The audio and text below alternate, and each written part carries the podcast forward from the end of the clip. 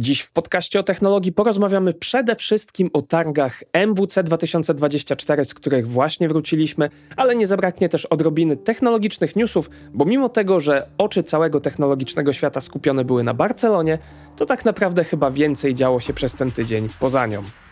Ale zanim przejdziemy do tematu odcinka, do technologicznych newsów, to przypominamy, że partnerem naszego podcastu jest firma Oppo i podobnie jak w poprzednich tygodniach, również i dzisiaj mamy dla Was do wygrania słuchawki Oppo Enco Buds 2 Pro. Słuchajcie uważnie, bo w późniejszej części odcinka padnie pytanie i odpowiadając na nie macie szansę wygrać te słuchawki. Panowie, jak tam doszliście już do siebie po podróży?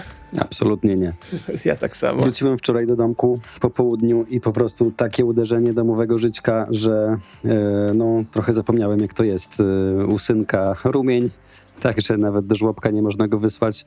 A ja też jeszcze taki niedospany, więc e, dzisiaj na pół gwizdka pewnie będę tutaj działał i opowiadał wam co i jak. Tak, chyba wszyscy musimy z góry przeprosić, jeżeli brzmimy na niewyspanych, bo po prostu jesteśmy niewyspani. U mnie z kolei myślałem sobie, że przyjdę, wyśpię się, dzisiaj nic nie będę robił, poza jakimś, nie wiem, sprzątaniem, ugotowaniem obiadu, ale żona mnie poinformowała, że ona w sumie to musi na siódmą do lekarza na drugi koniec Warszawy i że komunikacją dojechać słabo, no to może mnie Dawid zawieziesz, ale tak, żebym była odpowiednio wcześniej, to wstaniemy o 5.30 więc dzisiaj ponownie, tak jak wczoraj przed samolotem pobudkę o 5.30 e, jestem po prostu niewyspany, czuję się e, jakbym się narąbał, porządnie mówiąc wprost, więc myślę, że do siebie dojdę tak jutro, myślę, że jutro. Jest taki teraz śmieszny profil na, czy śmieszny, nieśmieszny, na Twitterze, wszyscy udostępniają go dla beki, nazywa się po prostu horoskop i codziennie wrzuca jakieś takie, pewnie z dupy po prostu wygenerowane jakieś teksty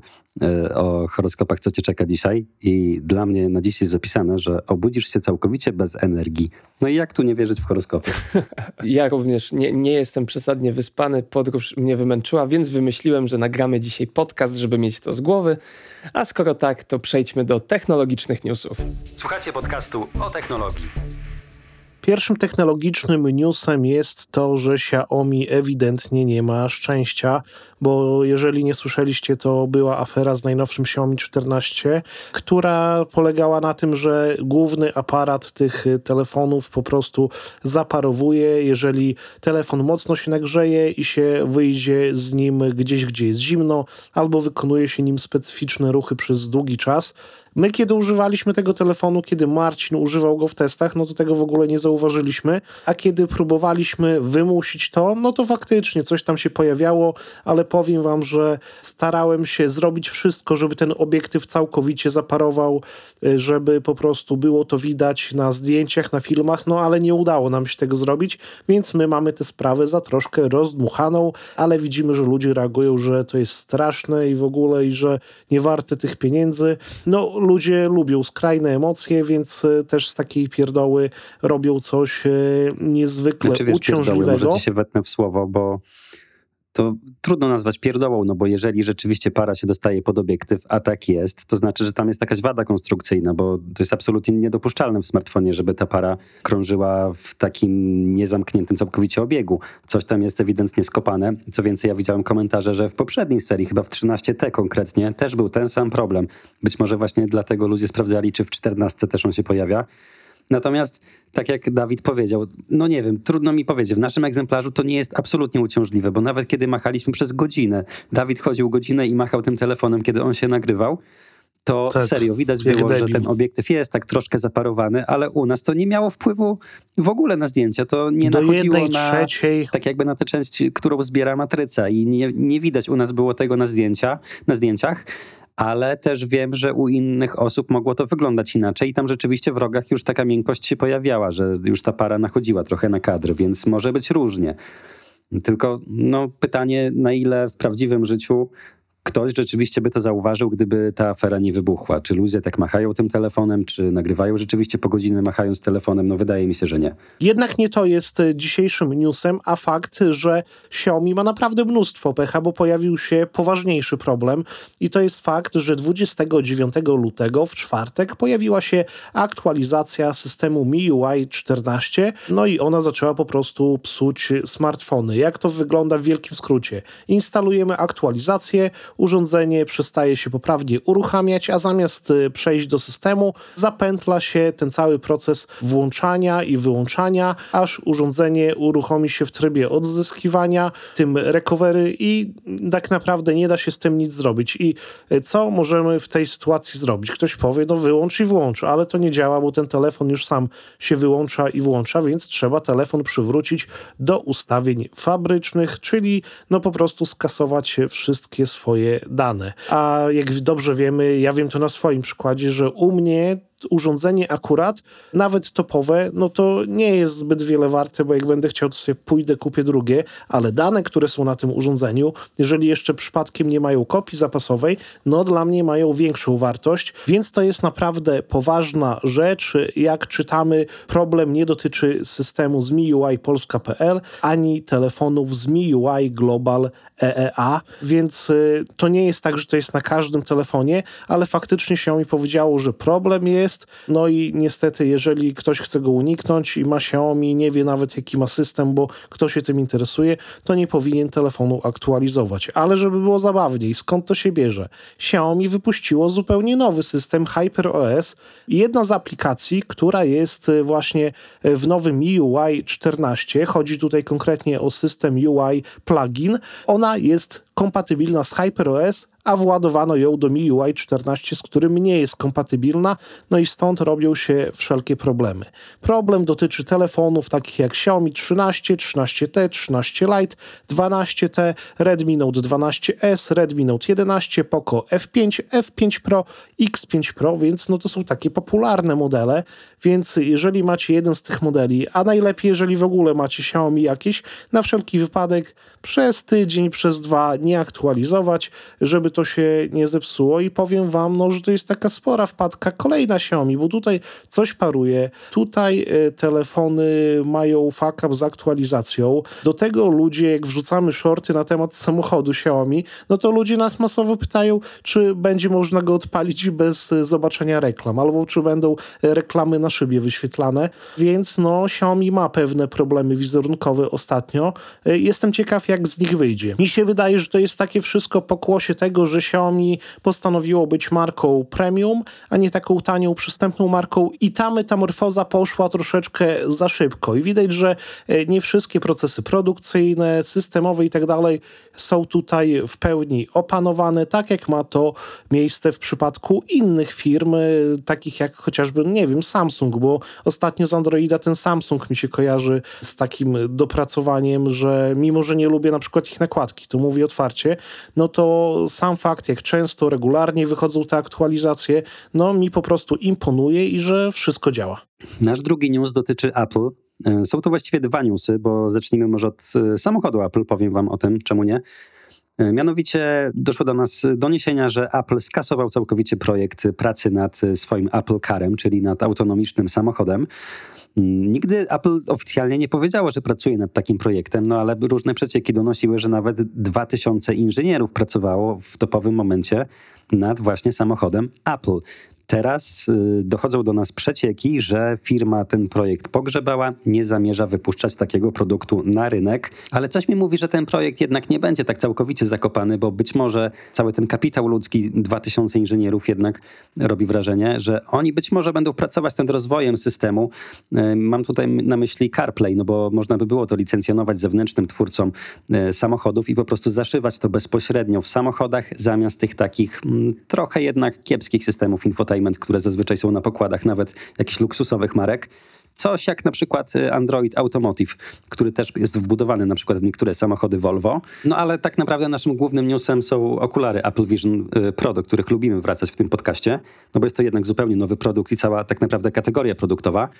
Tutaj tak naprawdę mamy trzy informacje, mm, które udostępnił Ming Chi Kuo, czyli taki jeden z topowych analityków Apple, który jeżeli coś pisze, to raczej jest to prawdą, mimo że oczywiście to nie jest oficjalna wiadomość, którą y, podaje dalej Apple. E, no więc pierwsza informacja jest taka, że te okulary sprzedały się dużo lepiej niż oczekiwało Apple. Co to oznacza? Oczywiście nie wiemy. Tutaj nikt nie podaje konkretnych liczb, ile tego się sprzedało. Raczej myślę, że nie prędko, jeżeli w ogóle takie liczby zobaczymy. Aczkolwiek pojawiła się ciekawa informacja, że tylko 1% klientów zwróciło ten produkt, no bo wiemy, że po zakupie mamy jakiś tam czas na zwrot. I wydawać by się mogło, że sporo ludzi jednak z tego zwrotu skorzystało, bo na Twitterze często pojawiały się informacje, że po tym takim pierwszym hypie, nazwijmy to, po tym pierwszym takim zafascynowaniu tą technologią, okazuje się, że nie bardzo jest do czego używać tych okularów i sporo ludzi je zwracało. No więc w praktyce nie tak sporo, bo tylko 1%. Tutaj Casey Neistat, jeden właśnie z takich y, twórców bardzo znanych, którzy kupili te okulary na premierę, zrobił ankietę na swoim Twitterze i zapytał posiadaczy y, Apple Vision Pro o to, jak często korzystają z tego urządzenia teraz, kiedy kurz opadł. No i 76% osób odpowiedziało, że not much at all, czyli że prawie w ogóle. No oczywiście to była ankieta otwarta, więc każdy mógł zagłosować w tej ankiecie, nie tylko posiadacze, no ale to jednak pokazuje, że chyba faktycznie to nie jest jeszcze tak dopracowany system software'owo, na jaki liczyli ludzie. W każdym razie, kolejny, kolejna informacja wokół Apple Vision Pro jest taka, że nie będzie raczej nowego modelu do roku 2027, a raczej, że te okulary w wersji Pro nie dostaną żadnej nowej wersji to jednak nie oznacza, że nie pojawią się jakieś tańsze modele, bo być może bez dopisku Pro i przede wszystkim tańsze. No ale to na razie takie spekulacje. No i poza tym Apple zamierza rozszerzyć dostępność e, tych okularów jeszcze przed konferencją WWDC dla deweloperów. E, mają te okulary trafić do sprzedaży w większej liczbie krajów anglojęzycznych, czyli możemy się spodziewać, że być może trafią do Europy, czyli do Anglii. No co tam jeszcze? Australia, Nowa Zelandia. Aż tak dużo tych krajów anglojęzycznych nie mamy na świecie tak naprawdę. No ale pamiętajmy, że do tej pory one są dostępne tylko w USA.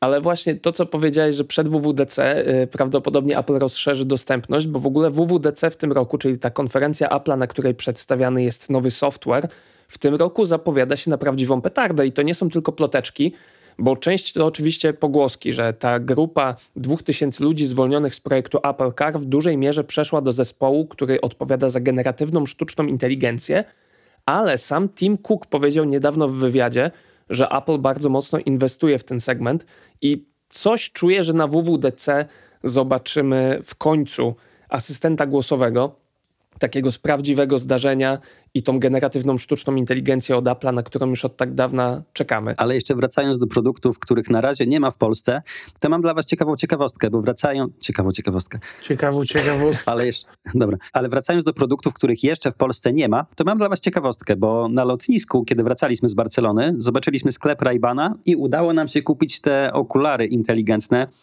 Raybana, które powstały wspólnie z Metą. Przeprowadzimy ich test oczywiście, zobaczymy też, czy uda nam się je włączyć do naszej takiej pracy, jeżeli chodzi o nagrywanie materiałów. Powiem wam, że jestem bardzo podekscytowany tymi okularami. To był taki spontaniczny zakup, bo tak jak mówię, one w Polsce są niedostępne. Na lotnisku były dostępne tylko w jednym wariancie. To był jeden kolor, do tego taki niezbyt dla nas atrakcyjny, bo taki karmelowy z brązowymi szkiełkami. E, jeden rozmiar. E, do wyboru była tylko polaryzacja lub bez, nie można było nawet wybrać fotochromów. Natomiast te okulary to nie jest produkt oczywiście taki jak Apple Vision Pro. One wyróżniają się głównie tym, że mają wbudowaną e, kamerkę, kamerkę nieco, o nieco większej rozdzielczości niż Full HD, to jest takie bardziej powiedzmy kwadratowe Full HD. No i mają też głośniki, mają łączność Bluetooth, mają Wi-Fi, dzięki czemu możemy zapisywać materiały widziane po prostu z punktu naszego wzroku, z punktu widzenia samych nas. Czyli to jest takie powiedzmy GoPro bez potrzeby montowania na jakichś kaskach, na jakichś zaczepach i tak dalej. Po prostu mamy to na oczach, czyli ta kamera rejestruje dokładnie to, co widzimy. Widzę tu duży potencjał przy nagrywaniu na przykład jakichś samochodów, y, być może, nie wiem, jakichś też sprzętów z perspektywy użytkownika. No zobaczymy. Myślę, że fajnie nam się to sprawdzi w kolejnych materiałach, ale więcej powiemy o tym pewnie w jakichś pierwszych wrażeniach albo w recenzji. Kolejny news, a w sumie połączenie dwóch newsów dotyczy sztucznej inteligencji, z czego najświeższym newsem jest to, iż Elon Musk pozwał OpenAI i sama Altmana za złamanie kontraktu, który z nimi zawarł w 2015 roku. Bo może nie wiecie, ale Elon Musk początkowo ufundował powstanie OpenAI, czy raczej był jednym z inwestorów i członków zarządu, i OpenAI było organizacją non-profit, która miała powstać po to, żeby służyć dobru ludzkości, a po tym jak zainwestował w nią Microsoft, OpenAI siłą rzeczy musiało przejść na model for profit. I Elon Musk uważa to za złamanie kontraktu i pozwał firmę właśnie przez to. Osobiście troszeczkę mnie to bawi, bo zgadzam się z Elonem Muskiem, że jest to złamanie kontraktu i że OpenAI, zwłaszcza patrząc na to, jak się rozwija sztuczna inteligencja, powinno mimo wszystko dla dobra nas wszystkich zostać organizacją non-profit. A jednocześnie nie zapominajmy, że Elon Musk ma w tej chwili swój model językowy o nazwie Grok, który jest jak najbardziej for profit, który jest w tej chwili już testowany jako część Twittera czy tam Xa Premium Plus. Więc y, jest w tym potężna dawka hipokryzji. Moim zdaniem no, to jest taki e, dziwny krok, bym powiedział, z jednej strony antykonsumencki, e, a z drugiej strony no, taki trochę nieuczciwy, ale też ta sztuczna inteligencja od Ilona Maska miała być podobno w tym najwyższym pakiecie Twittera. Ja sobie zapłaciłem za ten najwyższy pakiet Twittera. Czemu nie? Bo i tak więcej dostaję z Twittera pieniędzy niż za to płacę. No i na koniec okazuje się, że ja tego nigdzie nie widzę, nie mogę znaleźć. Albo jestem za głupi, albo u nas nie działa, więc kolejny raz. Mi się wydaje, że on po prostu nie jest dostępny w Polsce, a też tam były grube jazdy z tym grokiem, bo on, e, ten model jest tak zaprojektowany, żeby być taki sarkastyczny i wie, wiecie, pseudointeligencki, tak jak Elon Musk na Twitterze. Jezus Maria. I, no i tam latały swego czasu takie wrzutki, gdzie nie brakowało żartów pokroju, śmiania się z Hitlera i tak dalej. No ciekawe, w którym kierunku to się rozwinie. To jest teraz dostępne tylko dla subskrybentów X Premium Plus, za co się płaci ile, Dawid? Przypomnij mi? Yy, 72, 88 zł miesięcznie. Okej, okay, bo widziałem też, że 120, ale to 120 chyba jak z aplikacji tak? To może być, bo ja jako rasowy cebulak już y, nic nie kupuję przez apkę, tylko wszystko przez stronę internetową i to jeszcze z fakturą. Okej. Okay. W każdym razie jest to drogi biznes i no właśnie, jest to biznes, a tymczasem Elon Musk pozywa OpenAI za to, że stało się biznesem. Ale skoro mowa o tych sztucznych inteligencjach wpychanych nam do gardła każdą możliwą stroną, to kolejny news dotyczy tego, że Google podobno zaczął płacić wydawcom w ramach swojej inicjatywy Google News Initiative, która już funkcjonuje, w ramach tej inicjatywy zaczął płacić wydawcom, żeby korzystali z nowej platformy sztucznej inteligencji i w ramach tego układu na przykład y, jakieś medium musi publikować dziennie minimum trzy artykuły napisane przez tą sztuczną inteligencję i później dzielić się feedbackiem z Googlem. Google zbiera też dane na temat tego, jak ta sztuczna inteligencja tam funkcjonuje. Powiem szczerze, że to mnie bardzo martwi, bo ta inicjatywa Google'a, ona też jest dostępna w Polsce. Również wiele mediów z Polski y, we współpracy z Googlem funkcjonuje i jeżeli to się rozszerzy na Polskę, że ta generatywna sztuczna inteligencja również u nas będzie testowana, no to z jednej strony poziom artykułów w większości mediów i tak się nie zmieni, bo i tak jest bardzo niski, ale z drugiej będziemy zalani tym naprawdę śmieciowym kontentem generowanym przez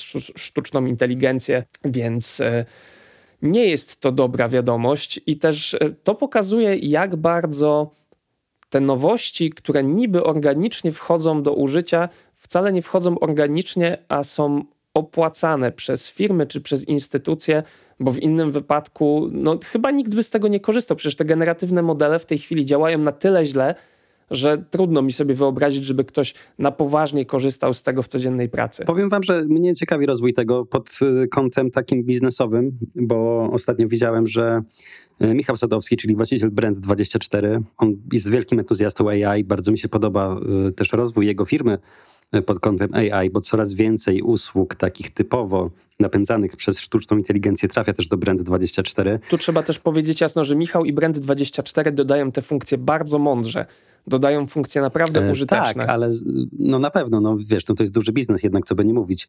Natomiast y, fajne jest to, że ta sztuczna inteligencja może być rozwijana w takim kierunku, że na przykład dostarczasz jej raport finansowy jakiejś firmy, i ta sztuczna inteligencja wyciąga z niego po prostu wnioski o kondycji firmy, o rozwoju, y, o jakimś tam powiedzmy kierunku, w jakim to wszystko idzie, y, o przyszłości być może nawet firm, firmy. I to jest dla mnie ciekawe, bo może to działać lepiej niż taki jakiś domorosły analityk, y, który wielu rzeczy nie wie, coś tam sobie dopowie, coś doczyta i tak dalej. Więc y, wydaje mi się, że jest w tym bardzo duży potencjał pod kątem właśnie takim biznesowym. Oczywiście na pewno są wymiatacze, którzy czytają z tego znacznie więcej niż jakiś tam model y, sztuczny. Y, no ale to jednak takich ludzi wydaje mi się, że jest bardzo niewielu. No tak, a tymczasem w świecie mediów sztuczna inteligencja może na razie co najwyżej pomóc w pisaniu artykułów, czy dziś niedziela handlowa. No tak. I to nie zawsze, bo te treści generowane przez sztuczną inteligencję, mi się wydaje, i tak muszą być sprawdzane przez ludzi, a wszyscy wiemy po pracy w mediach, że nawet ten dział korekty jest coraz rzadziej spotykany. Chyba ostatnio w ogóle z wyborczej Zagory. E, tak, Agora wywaliła cały, cały dział. E, cały dział korekty.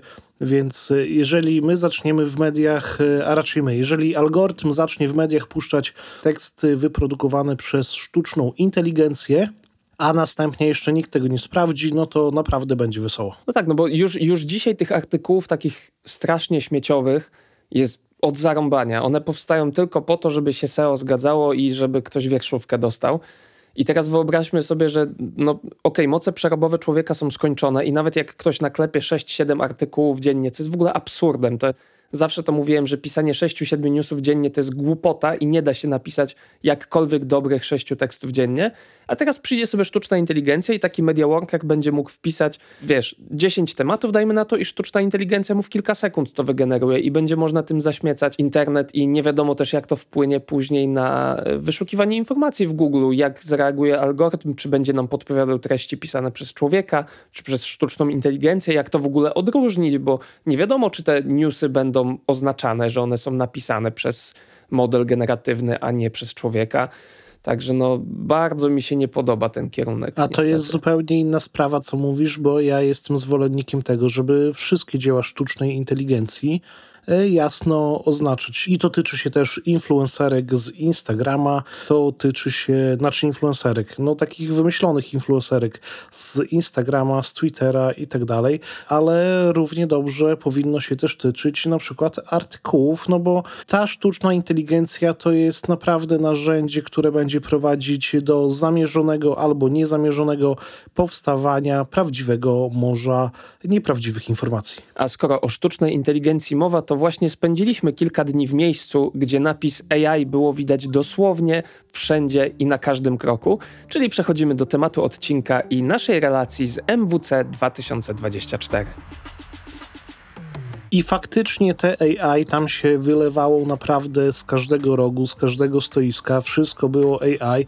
No i tak samo jak w przypadku obecnego wykorzystania AI, w zdecydowanej większości absolutnie nic z tego nie wynikało, bo naprawdę nie widziałem chyba żadnego rozwiązania, które wcześniej nie było już pokazane, które naprawdę ktoś by powiedział, że to jest sztuczna inteligencja, zobaczcie jak działa, to przyda się wam w prawdziwym życiu. Chyba jedyny raz, kiedy użyli, zobaczyliśmy, że sztuczna inteligencja działa, to było na moim Samsungu S24, e, jak tak. za pomocą Circle to Search wrzukiwałem jakiś tam kościół, który znajdował się daleko na górze, bo Marcin nie wiedział, co to jest, a był bardzo ciekawy. I powiem wam, że faktycznie Samsung Galaxy S24 znalazł bez problemu, jaka to jest budowla i to chyba właśnie było takie jedyne przydatne zastosowanie AI podczas tych całych targów. Tak, ja mam takie wrażenie, właśnie wrzucam wam na grupę, Marcin Michno dzisiaj wrzucił takiego mema z naklejaniem naklejki na przeciekający zbiornik i z napisem umierające startupy, upadające produkty i przyklejają na to wszystko AI. I dokładnie takie miałem wrażenie, patrząc na to całe AI na MWC, że było tam dużo produktów, które nie miały nic wspólnego w sumie ze sztuczną inteligencją, nie różniły się za bardzo od tego, co było wcześniej, ale wszędzie było przypisane sztuczna inteligencja, a nawet te, które były jakoś tam nowe i świeże, typu widzieliśmy takiego cyfrowego robokonsjerża, który ma zastąpić konsjerża hotelowego, że podchodzisz do kontuaru i zamiast człowieka jest taki ekran na ramieniu i tam jest wirtualna asystentka napędzana przez sztuczną inteligencję, to z tego, co się tam przyglądałem, ona nie potrafiła nic ponadto, co dzisiaj zrobi Google Assistant, nie korzystając w ogóle ze sztucznej inteligencji. I zastanawia mnie, y, kiedy przyjdzie ten moment takiego przefiltrowania, co jest hypem i gdzie to AI jest dopisane tylko po to, żeby było, a kiedy faktycznie zaczniemy oglądać jakieś użyteczne funkcje. No i jedno, co tak przewiduję troszeczkę w mojej szklanej kuli, że za jakiś czas każdy smartfon i każda pierdoła będzie miała dopisek AI w nazwie. Tak jak kiedyś było z 5G. No tak, możliwe. A jak wcześniej mhm. jeszcze było z 3D. Tak, tak. Tak, y, ale zanim przejdziemy jeszcze do 3D, bo tu też mamy dwa słówka do powiedzenia z Dawidem, mnie bardzo rozczuliło stanowisko Mediateka, gdzie też to AI było tak. chyba tylko jako dopisek. Na czym to polegało? Widzieliśmy jakieś trzy kamery, które miały skanować twarz. Tam przyszła na przykład przednie prezenterka z jakiejś japońskiej telewizji, robiła o tym materiał. No i te kamery ją skanowały, a my na ekranie widzieliśmy, jak sztuczna inteligencja rzekomo przerabia prawdziwe nagrania tej pani na takie awatary cyfrowe utrzymane w stylu takiego jakiegoś anime. E, no i powiem wam, że to wyglądało jak filtr, po prostu najzwy, najzwyklejszy na świecie filtr nałożony na to zdjęcie, czyli coś, co znamy już od nie pamiętam kiedy. Jest milion aplikacji, które coś takiego robią i to bez żadnego AI, że po prostu to zdjęcie analizują i przetwarzają. Do tego naprawdę nie potrzeba żadnej sztucznej inteligencji. To nie wyglądało jak wytwór jakiej, jakiejś sztucznej inteligencji zupełnie. Szczególnie, że widać było, że te zdjęcia są utrzymane powiedzmy w takiej samej stylistyce, jeżeli kolejne osoby przychodziły, więc widać, że to było już z góry zaprogramowane na jakiś konkretny styl. Ja tam nie widziałem żadnego generowania w czasie rzeczywistym. No, to jest właśnie takie AI chyba oszukańcze. Wydaje mi się, że większość rzeczy właśnie to AI miało dopisane po prostu na siłę. Tak, no bo tam e, gdyby to było w czasie rzeczywistym, to powinna się zgadzać choćby, nie wiem, mimika albo to y, gesty, gestykulacja, nawet taka podstawowa jak miejsce, w którym jest ręka tej prezenterki, bo ona nią dość sporo tam machała, a tymczasem zobaczyliśmy zestaw po prostu grafik, te grafiki ok, były przygotowane przez artystę wcześniej, ale to wyglądało po prostu tak, jakby był nałożony jakiś chamski filtr właśnie z tą grafiką i nie miało to nic wspólnego ze sztuczną inteligencją. Jedno, co żałuję, że nie udało nam się popatrzeć i zobaczyć inaczej niż za szybką, to ta przypinka od e, Humane, czyli to AI pin, bo ona była na targach MWC na stoisku Qualcomma i podobno można było popatrzeć na prezentację E, ludzi z Humane, ale my się niestety nie załapaliśmy na to. Chciałbym to zobaczyć na własne oczy, żeby się przekonać, czy na żywo będę miał tak samo negatywne odczucia, jak kiedy patrzę na to na wideo, bo obejrzałem dzisiaj sobie u Michaela Fischera, jak to wygląda. I to jest jakiś absurd. No, patrzę na to i po co? Dlaczego mam dotykać przypinki, skoro mogę zrobić dokładnie to samo dotykając smartfona albo słuchawek w uszach? Albo to, że on wyświetla ten obraz laserowy na dłoni, to z tego co widziałem, to żeby trafić w miejsce, gdzie ten obraz laserowy jest e, wyświetlany, to trzeba się naprawdę nieźle namachać tą dłonią i wygląda to bizarnie, więc tu troszeczkę mi szkoda, bo chciałbym zobaczyć, czy to faktycznie jest aż tak przehajpowany produkt. Znaczy to jest jedna z tych rzeczy, które jak będzie się dało, to trzeba kupić, żeby inni tego nie zrobili, bo też mi się wydaje, że to jest po prostu straszne. Tak, też mam takie wrażenie. A propos machania, widziałem na żywo na MWC gościa w Vision Pro, co no dla mnie jest ciekawe, bo nie miałem w styczności wcześniej na żywo i na żywo to, to wygląda jeszcze gorzej niż na filmach. No, no wyobraź sobie, że nie. No te, te gogle kosztują mniej więcej tyle, ile przeciętny mieszkaniec Słupska zarabia przez pół roku, więc nie sądzę, żeby się prędko u nas pojawiły.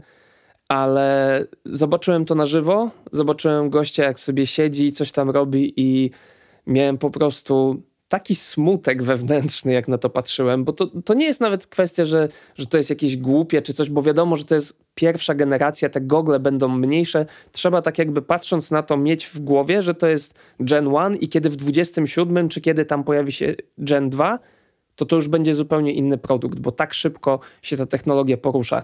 Ale jednak widząc interakcję z tym, że tu gość siedzi i składa palce razem, żeby stukać, albo wręcz macha rękami przed sobą, no bo niektóre elementy interfejsu wymagają machania rękami.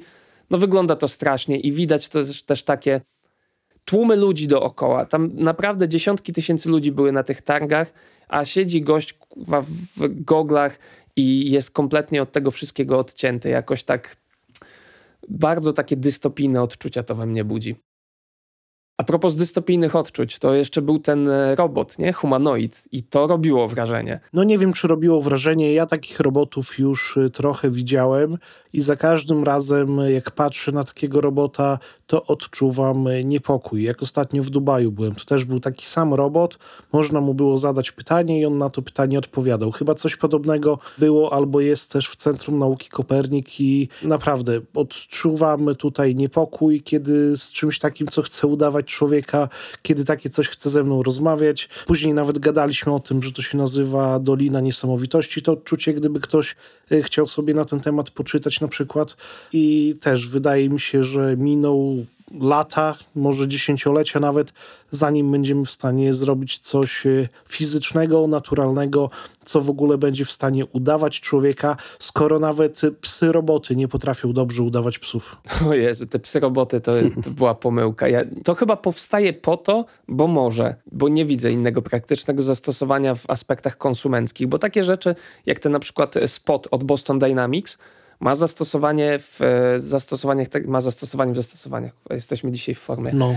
E, ma zastosowanie w pracach niebezpiecznych i prawdopodobnie też znajdzie zastosowanie w wojsku, ale takie robopsy jak ten od Xiaomi czy Tecno, które oglądaliśmy, no to no nie, no, no po co mi to? Ale to nie jest nawet nowy koncept, bo ja pamiętam, że kiedyś dzieciaczkiem byłem i kupowałem chyba DD Reportera czy coś innego, no to już wtedy widziałem, że Robo Pies i tam chyba Sony Aibo to się nazywało w 99 Mhm. czy 98 roku i od tamtej pory ktoś myśli, że to jest w ogóle do czegoś potrzebne. Fajnie, że taki pies jak źle się czuje, nie narobić pod drzwiami i że nie trzeba go wyprowadzać, no ale ja jednak wolę żywe stworzenie. W ogóle jesteśmy tacy bardzo negatywni. Marcin, może tobie się coś jednak podobało na tych tankach? Wiecie co, dwie rzeczy mi się podobały. Paella. Paella, no. tak, Paella była dobra. E, Ale z technologii, już wspomniałem troszkę o tym, czyli tablet 3D. To jest sprzęt, którego bym nie kupił, ale który no, budzi we mnie sympatię, budzi Fajne, fajne wspomnienia, fajne, bo fajne. był to tablet e, firmy ZTE, który potrafił wyświetlać obraz trójwymiarowy bez konieczności używania żadnych okularów i tak dalej. Po prostu stawaliśmy przed tym tabletem. Był tam taki mały przełącznik z obrazu 2D na 3D. No i rzeczywiście w tym obrazie 2D to był najzwyklejszy na świecie tablet, który niczym się absolutnie nie wyróżnia, ale kiedy przełączyliście ten przełącznik cyfrowy na 3D, to on potrafił każdą treść zamienić na trójwymiarową. I my sprawdziliśmy to na przykładzie naszego filmu, odpaliliśmy naszego YouTube'a i rzeczywiście po przejściu na tryb 3D obraz zrobił się trójwymiarowy. Tak jak mówię, nie wymaga to żadnych okularów. Elegancko te plany były rozdzielone. To działa tak automatycznie, no bo nasz film był zupełnie płaski, standardowy, tak? A i tak został przerobiony na 3D. Widać było tło, widać było siedzącego Dawida, który jest ewidentnie przed tym tłem. Tak samo ławka, jakieś tam inne elementy były bliżej.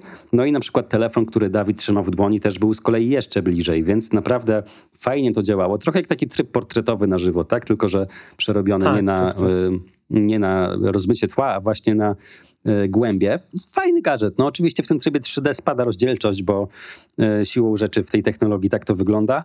Ja miałem bardzo miłe wspomnienia, bo pamiętam jak grałem na Nintendo 3DS, gdzie też taki ekran trójwymiarowy był, więc automatycznie banan na twarzy, nostalgia i tak dalej.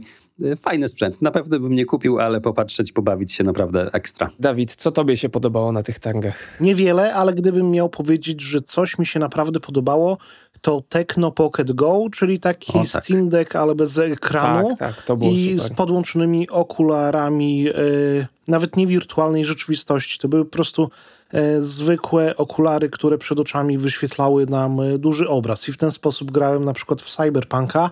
No naprawdę fajna rzecz, bo ta konsola miała w sobie całkiem mocne podzespoły. Nie wiemy dokładnie jakie, ale w Cyberpunka płynnie, bez problemu dało się grać. Te okulary sprawiały, że ekran przed nami był naprawdę duży i powiem wam, że być może to jest przyszłość grania takiego kanapowego właśnie, że będzie można siedzieć z konsolą, nie gapić się w ten mały ekranik, tylko e, mieć po prostu przed sobą ekran, a jakby co, to można te okularki łatwo zdjąć. Wiadomo, że to nie jest rozwiązanie, którego będziemy używać na przykład w pociągu czy w autobusie, bo też e, jeżeli machamy głową, trzęsie nam się ona, to obraz też się trzęsie i to jest nieprzyjemne uczucie, ale powiem wam, że do takiego grania domowego z łóżeczka, kiedy lubię po- pograć sobie na handheldzie, bo ja tak mam, Marcin z tego co wiem to Mhm. też, e, no to do czegoś takiego e, naprawdę sztos. Ja tylko dopowiem, że wiemy, jaką on ma specyfikację, bo Tekno na tangach co prawda nam nie powiedziało, ale tutaj już się dokopałem, że tam w środku jest Ryzen 7 8840 HS, czyli bardzo wydajne APU, takie na Wow. poziomie Steam Decka OLED. No i co, sam fakt, że to odpaliło Cyberpunka już świadczy o tym, że to jest całkiem wydajny produkt. Mnie natomiast ciekawi, bo zgadzam się z tymi okularami, że one ani nie są jakiejś przesadnie wysokiej jakości, są też przewodowe, więc ten kabel się plącze. Ale tak ciekawi mnie, czy nie mogłoby Tekno wypuścić na przykład drugiej wersji, która by wyglądała jak stara Nvidia Shield z tym rozkładanym ekranem. Kojarzycie? Tak, oczywiście. Tak, to, To był, aż- był pierwszy, pierwszy Shield w ogóle chyba. Tak, no i to, to by poniekąd rozwiązało problem tego, że handheldy z Windowsem są takie ogromne, no bo mogłoby mieć ten ekran zamykany i na przykład chowane e, analogi, żeby nie odstawały za bardzo, żeby ten ekran można było faktycznie zamknąć, więc to może trzeba feedback do Tekno wrzucić, albo nawet, nie wiem, taki doczepiany ekran przez USB, może to by było jakieś wyjście, bo na mnie ja też ten, myślę, ten że sprzęt zrobił Chińczycy wrażenie. już, e, jeżeli tylko ten sprzęt pojawi się na rynku, to za dwa dni na AliExpress odpowiedni ekran znajdziesz bez problemu. Myślę, że tak. Też tak Ale podejrzewam. tu chyba chodzi głównie o te okulary, no bo jednak y, kiedy mamy okulary na oczach, to jest takie wrażenie, jakbyśmy siedzieli przed znacznie większym ekranem. Można powiedzieć, powiedzieć, że to symuluje taki telewizor duży, a nie jednak mały ekranik mobilny, który trzymamy gdzieś tam między dłońmi. I chyba o to właśnie chodzi w tym produkcie. Tak, no, jak jesteśmy przy Tekno, to oni oprócz tego Tekno Pocket Go mieli tam jeszcze jednego fajnego peceta, który się nazywa Mega Mini G1. Znajdziecie na naszym kanale shorta na jego temat. To jest pecet w całości chłodzony cieczą. Tam oni zmieścili jakimś cudem procesor Intel Core i9 i RTX 4060. Ja podejrzewam, że to są podzespoły laptopowe, ale tego niestety tam nie powiedzieli wprost. I to jest malutki komputer w całości chłodzony cieczą, oczywiście z LEDami, bo wiadomo, jak coś ma LEDy, to jest szybsze. I jeżeli to będzie dobrze działać, jeżeli to chłodzenie da radę uciągnąć tak mocne podzespoły bez jakiegoś mocnego throttlingu, no to to będzie hicior, zwłaszcza, że mówimy o Tekno, czyli nie jest to jakaś marka premium, więc to nie będzie, podejrzewam, bardzo drogie. A no fajnie by było postawić coś takiego, bo właśnie patrzę, mam po prawej stronie swojej, mam Maca Studio. Obok stoi e, mój PC prywatny, który jest wielkości bardzo dużej, bo no, tam mam w typowej skrzynce MIDI Tower, a obok jeszcze stoi właśnie taki router e, od Asusa ET12 i właśnie ten PC od Tekno był rozmiaru dokładnie jak ten router ET12, czyli wyższy niż Mac Studio, ale znacznie węższy niż Mac Studio. No i bardzo bym chciał to zobaczyć i przetestować. Powiedziano mi, że być może będzie taka możliwość za kilka miesięcy więc mam nadzieję, że się uda. To w ogóle stoisko techno fajne było, dużo rzeczy, dużo jakichś tam smartfonów rozwijanych. Dziwne dla mnie było, że oni nie byli na tej najważniejszej hali, tylko byli gdzieś tam hen, tak, tak. daleko schowani, prawie tak daleko jak y, polski MPTech, czyli firma odpowiedzialna za iPhony i za Hamery, bo był taki polski akcent, że ta firma też się na MWC wystawiała. Ale właśnie widać było w tym roku, przynajmniej ja mam takie wrażenie,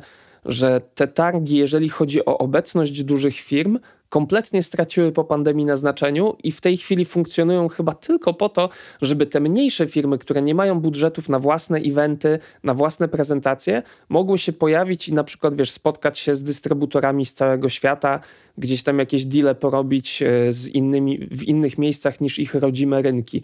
Bo tych dużych firm ani nie było jakoś przesadnie wiele na tych targach, ani nie miały przesadnie wielkiej prezencji.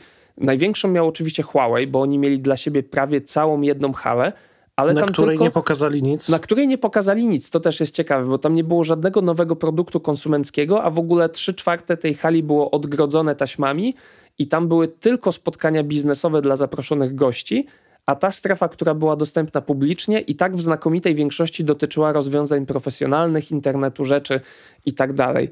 I tak samo czułem się właśnie na tych wszystkich innych e, stoiskach, bo nawet u Xiaomi, które też miało bardzo duże stoisko, te, e, najwięcej miejsca zajmował robopies. Samochód. Który jest sztuką dla sztuki i samochód schowany za szybą.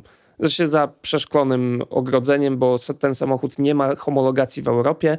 Nie wiadomo, czy i kiedy ją dostanie ale to on zajmował najwięcej miejsca na tym stoisku. Znaczy ja to, co mówiłem w, w naszym podsumowaniu na YouTubie, yy, widać wyraźnie, że te największe firmy nie chcą robić premier na targach MWC. Wyjątkiem był tylko Xiaomi, który tutaj rzeczywiście zaprezentował w czasie targów y, swój najnowszy model Xiaomi 14, całą serię w sumie Xiaomi 14. No i Honor jeszcze. Poza tym nie mieliśmy takich jakby premier z pierwszej linii frontu, mówiąc. Y, no Honor Magic Pro 6 i to było chyba wszystko no okay, z takich tak. największych premier smartfonowych przynajmniej. Znaczy, ale wiecie, ten Honor Magic to on w Chinach się pojawił pod koniec stycznia. No Xiaomi Więc też był taka... wcześniej w Chinach, ale, ale no, chodzi mi o takie europejskie premiery. No właśnie, tak, to są właśnie takie premiery, ale nie premiery, więc y, no. Y, to jest kolejna rzecz. Widać, że ten środek ciężkości świata technologii przynosi się już zupełnie na Azję. Kiedyś tam była tylko produkcja, teraz już tam są globalne po prostu premiery, bo ja wiem, że ktoś mówi,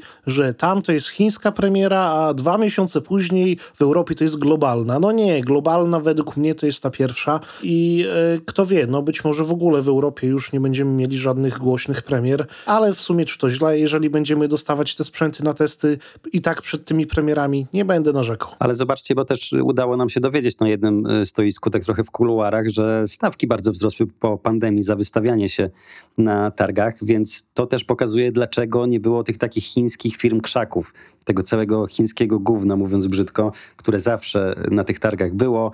No nie wiadomo jakie sprzęty firm krzaków, którym naprawdę nikt by nie zaufał. W tym roku na MWC naprawdę ze świecą było szukać jakiejś takiej chińskiej, e, tandetnej marki, której nikt nie zna. Jak ktoś się wystawiał, to raczej była to jednak firma znana.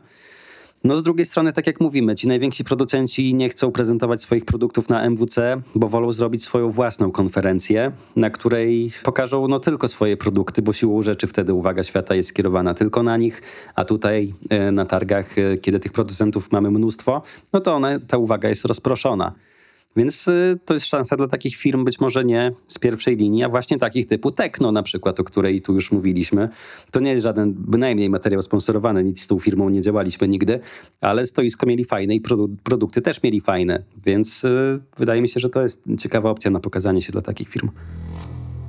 No i właśnie też podczas tych targów, a tak naprawdę trochę wcześniej, podjęliśmy decyzję, że nie będziemy jeździć na wyjazdy z producentami, bo do tej pory to wyglądało tak, że firma S albo H albo I napisała że właśnie, że no robimy taką premierę naszego produktu, to jedźcie z nami, zróbcie materiał. I to nie były materiały sponsorowane, no a jak już były, to wiadomo, że oznaczaliśmy, ale właśnie trochę takich wyjazdów było i uznaliśmy, że na targi, ani na jakieś premiery z producentami nie będziemy jeździć. Zostajemy na eventach lokalnych, zostajemy przy miejscach, w które sami możemy dojechać, więc też troszeczkę staramy się wykonać kolejny krok w tej e, naszej drodze do tego, żeby być możliwie jak najbardziej niezależnym, e, ale jednocześnie nadal mieć co jeść, bo to też jest e, ważne. Polecamy więc filmy na YouTubie na ten temat. Film się nazywa... Nawet dwa filmy. A nawet dwa filmy filmy. No pierwszy to jest MWC 2000... Odnośnie jedzenia, no bo w jednym właśnie pokazujesz jak jesz. No ważne jest to, żeby mieć co jeść. E, no tak, jeden film, w którym jemy, to jest MWC 2024 Samo Mięso.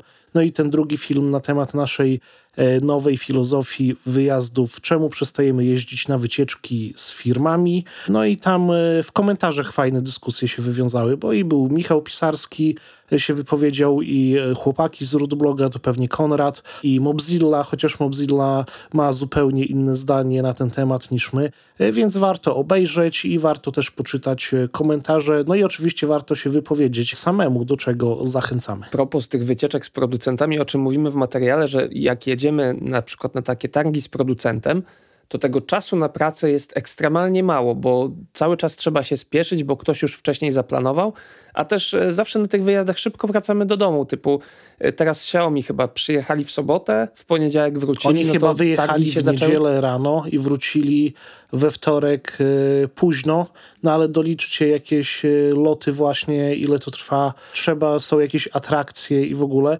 I się okazywało, że chyba, nie wiem czy to z Xiaomi, czy z Honorem, ale y, ludzie byli na targach przez trzy godziny. Tak, jednego dnia tak było, pisałem właśnie z Kubą z tabletowo, że przez trzy godziny byli jednego dnia na targach, no to my każdego dnia, każdego dnia. Poszliśmy w poniedziałek, poszliśmy we wtorek, nagraliśmy ile się dało i później montowaliśmy te materiały na bieżąco i tak jak spojrzeliśmy później, okazało się, że nagraliśmy w tym czasie trzy duże filmy i 20 shortów, czyli w sumie więcej materiałów niż zrobiliśmy kiedykolwiek pracując dla innych redakcji na tego typu wydarzeniach. Więc nasze to podejście e, zmieniamy. Mamy nadzieję, że Wam się podoba. E, no i co? Przechodzimy chyba powoli do naszego pytania konkursowego i do rozwiązania konkursu, nie Łukasz? Tak, także przejdźmy do pytania naszego odcinka. Odpowiadając na nie, macie szansę wygrać słuchawki Oppo Enco Buds 2 Pro, czyli słuchawki dokanałowe klasy ekonomicznej. Aby wygrać te słuchawki, trzeba odpowiedzieć na pytanie i wysłać nam odpowiedź na maila zapytaj kanal o technologii małpa.gmail.com. Dodam też, że ten adres zawsze jest w opisie naszego podcastu, więc jeżeli gdzieś tam wam umknie, to zawsze możecie zajrzeć do opisu i tam jest pełna informacja, gdzie wysyłać nam odpowiedzi na pytanie konkursowe. A w tym tygodniu pytaniem odcinka jest, co sądzicie o takich targach jak MWC IFA, CES, czy one są w ogóle jeszcze potrzebne? Czy śledzicie je jako technologiczne nerdy, czy może macie to kompletnie w nosie, czy te wszystkie nowości zostały pokazane na targach, czy na niezależnych wydarzeniach?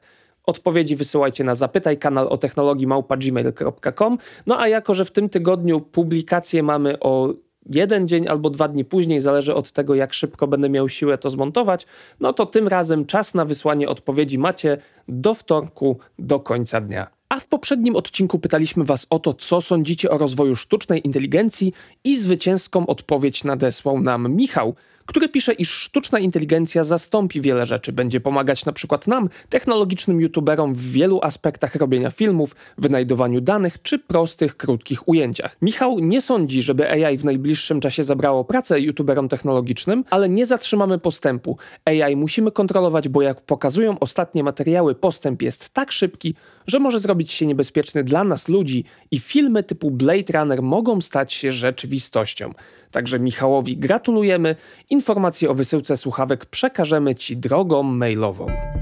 To jest podcast o technologii.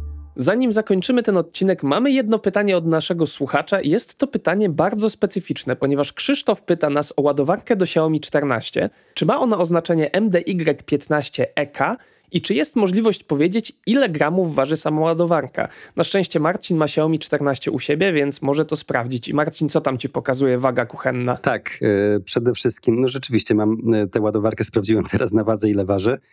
Zaczynając od początku, tak, jest to model MDY15EK. Jest to napisane na tej ładowarce. Jest to ładowarka 90W ze złączem USB typu A, czyli tym starszym, co jest trochę dziwnym rozwiązaniem, bo wolałbym chyba to USB-C. Waga tej ładowarki to jest 99 gramów. Pytanie bardzo specyficzne, nie wiem skąd pytanie o wagę akurat ładowarki, no ale odpowiadamy. I to już było wszystko, co mieliśmy Wam do powiedzenia w dzisiejszym 16 odcinku podcastu o technologii. Zapraszamy e, do słuchania nas, do zostawienia dobrej oceny, no a także do odwiedzenia naszych kanałów na YouTubie, czyli kanału o technologii oraz kanału o domu. A tymczasem co? Słyszymy się w kolejnych odcinkach. Cześć! I za tydzień słyszymy się już w normalnym dniu, czyli albo w czwartek w nocy, albo w piątek. Do usłyszenia.